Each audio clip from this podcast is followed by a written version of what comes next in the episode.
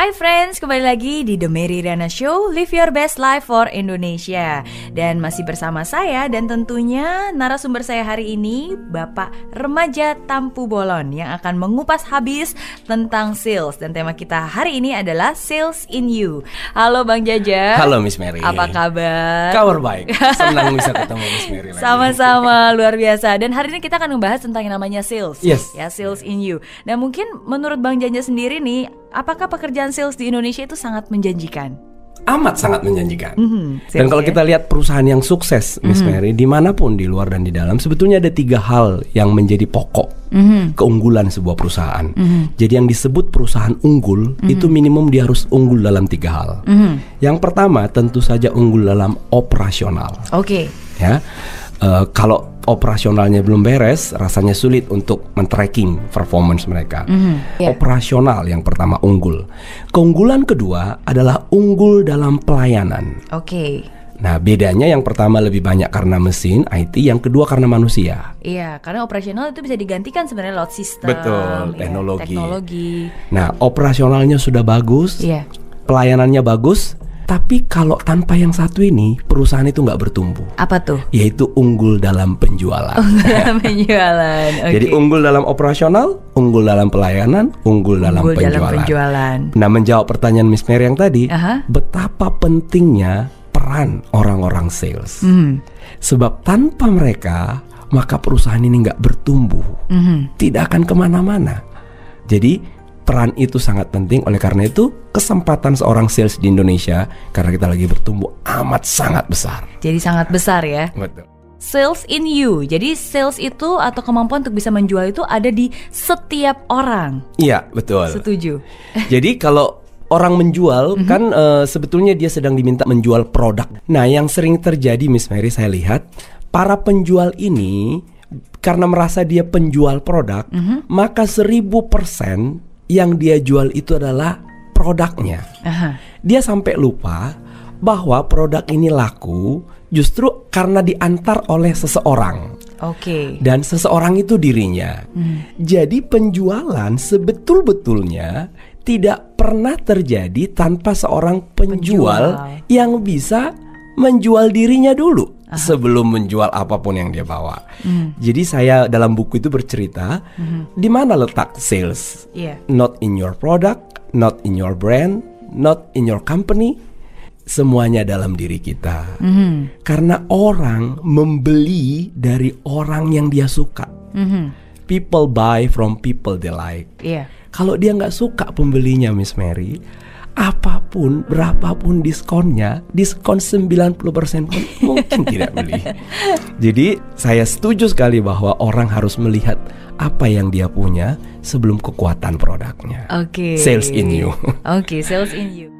Nah, tapi sebenarnya apakah semua orang itu bisa berjualan atau mempunyai kemampuan untuk bisa terjun di bidang sales? Ya, sebetulnya tanpa sadar kita semua sudah jualan.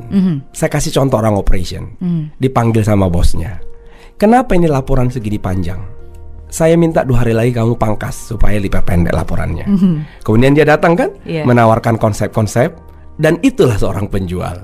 Jadi ketika seorang operation menawarkan ide ke pimpinannya, dia sebetulnya penjual. Mhm. Jadi sebetulnya semua orang tanpa sadar sudah melakukan penjualan, terutama Miss Mary Aha. waktu dia diinterview masuk ke perusahaan itu.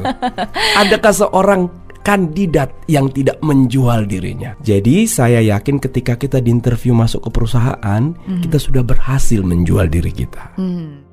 Mari kita lihat apa benefit seorang sales. Iya. Nah mungkin itu ya yang Iya. orang banyak yang terlupakan apa sebenarnya benefitnya. benefit seorang sales. Iya. Yang pertama membedakan sales dengan bukan sales adalah kesempatan berinteraksi Mhm. yang luar biasa besarnya dengan banyak orang. Mhm. Dan kita berinteraksi bukan untuk jualan, tapi untuk membentuk jaringan. Ya network, Network. ya. Network. Sekarang ini yang paling mahal Benar. adalah network. Iya. Jadi kalau kita punya 25 customer yang puas dengan kita, itu value-nya tinggi. Mhm.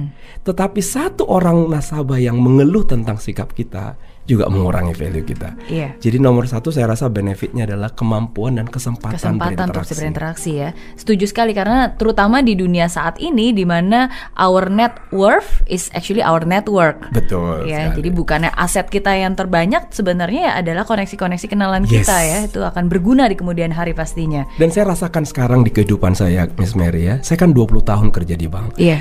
Sehari setelah saya keluar dari bank itu, Miss Mary, Mhm. Kartu nama sudah tak punya, jabatan sudah dicabut, Iya. tinggallah seorang di remaja Tampu Bolon. Mhm. Bagaimana saya diterima di banyak bank?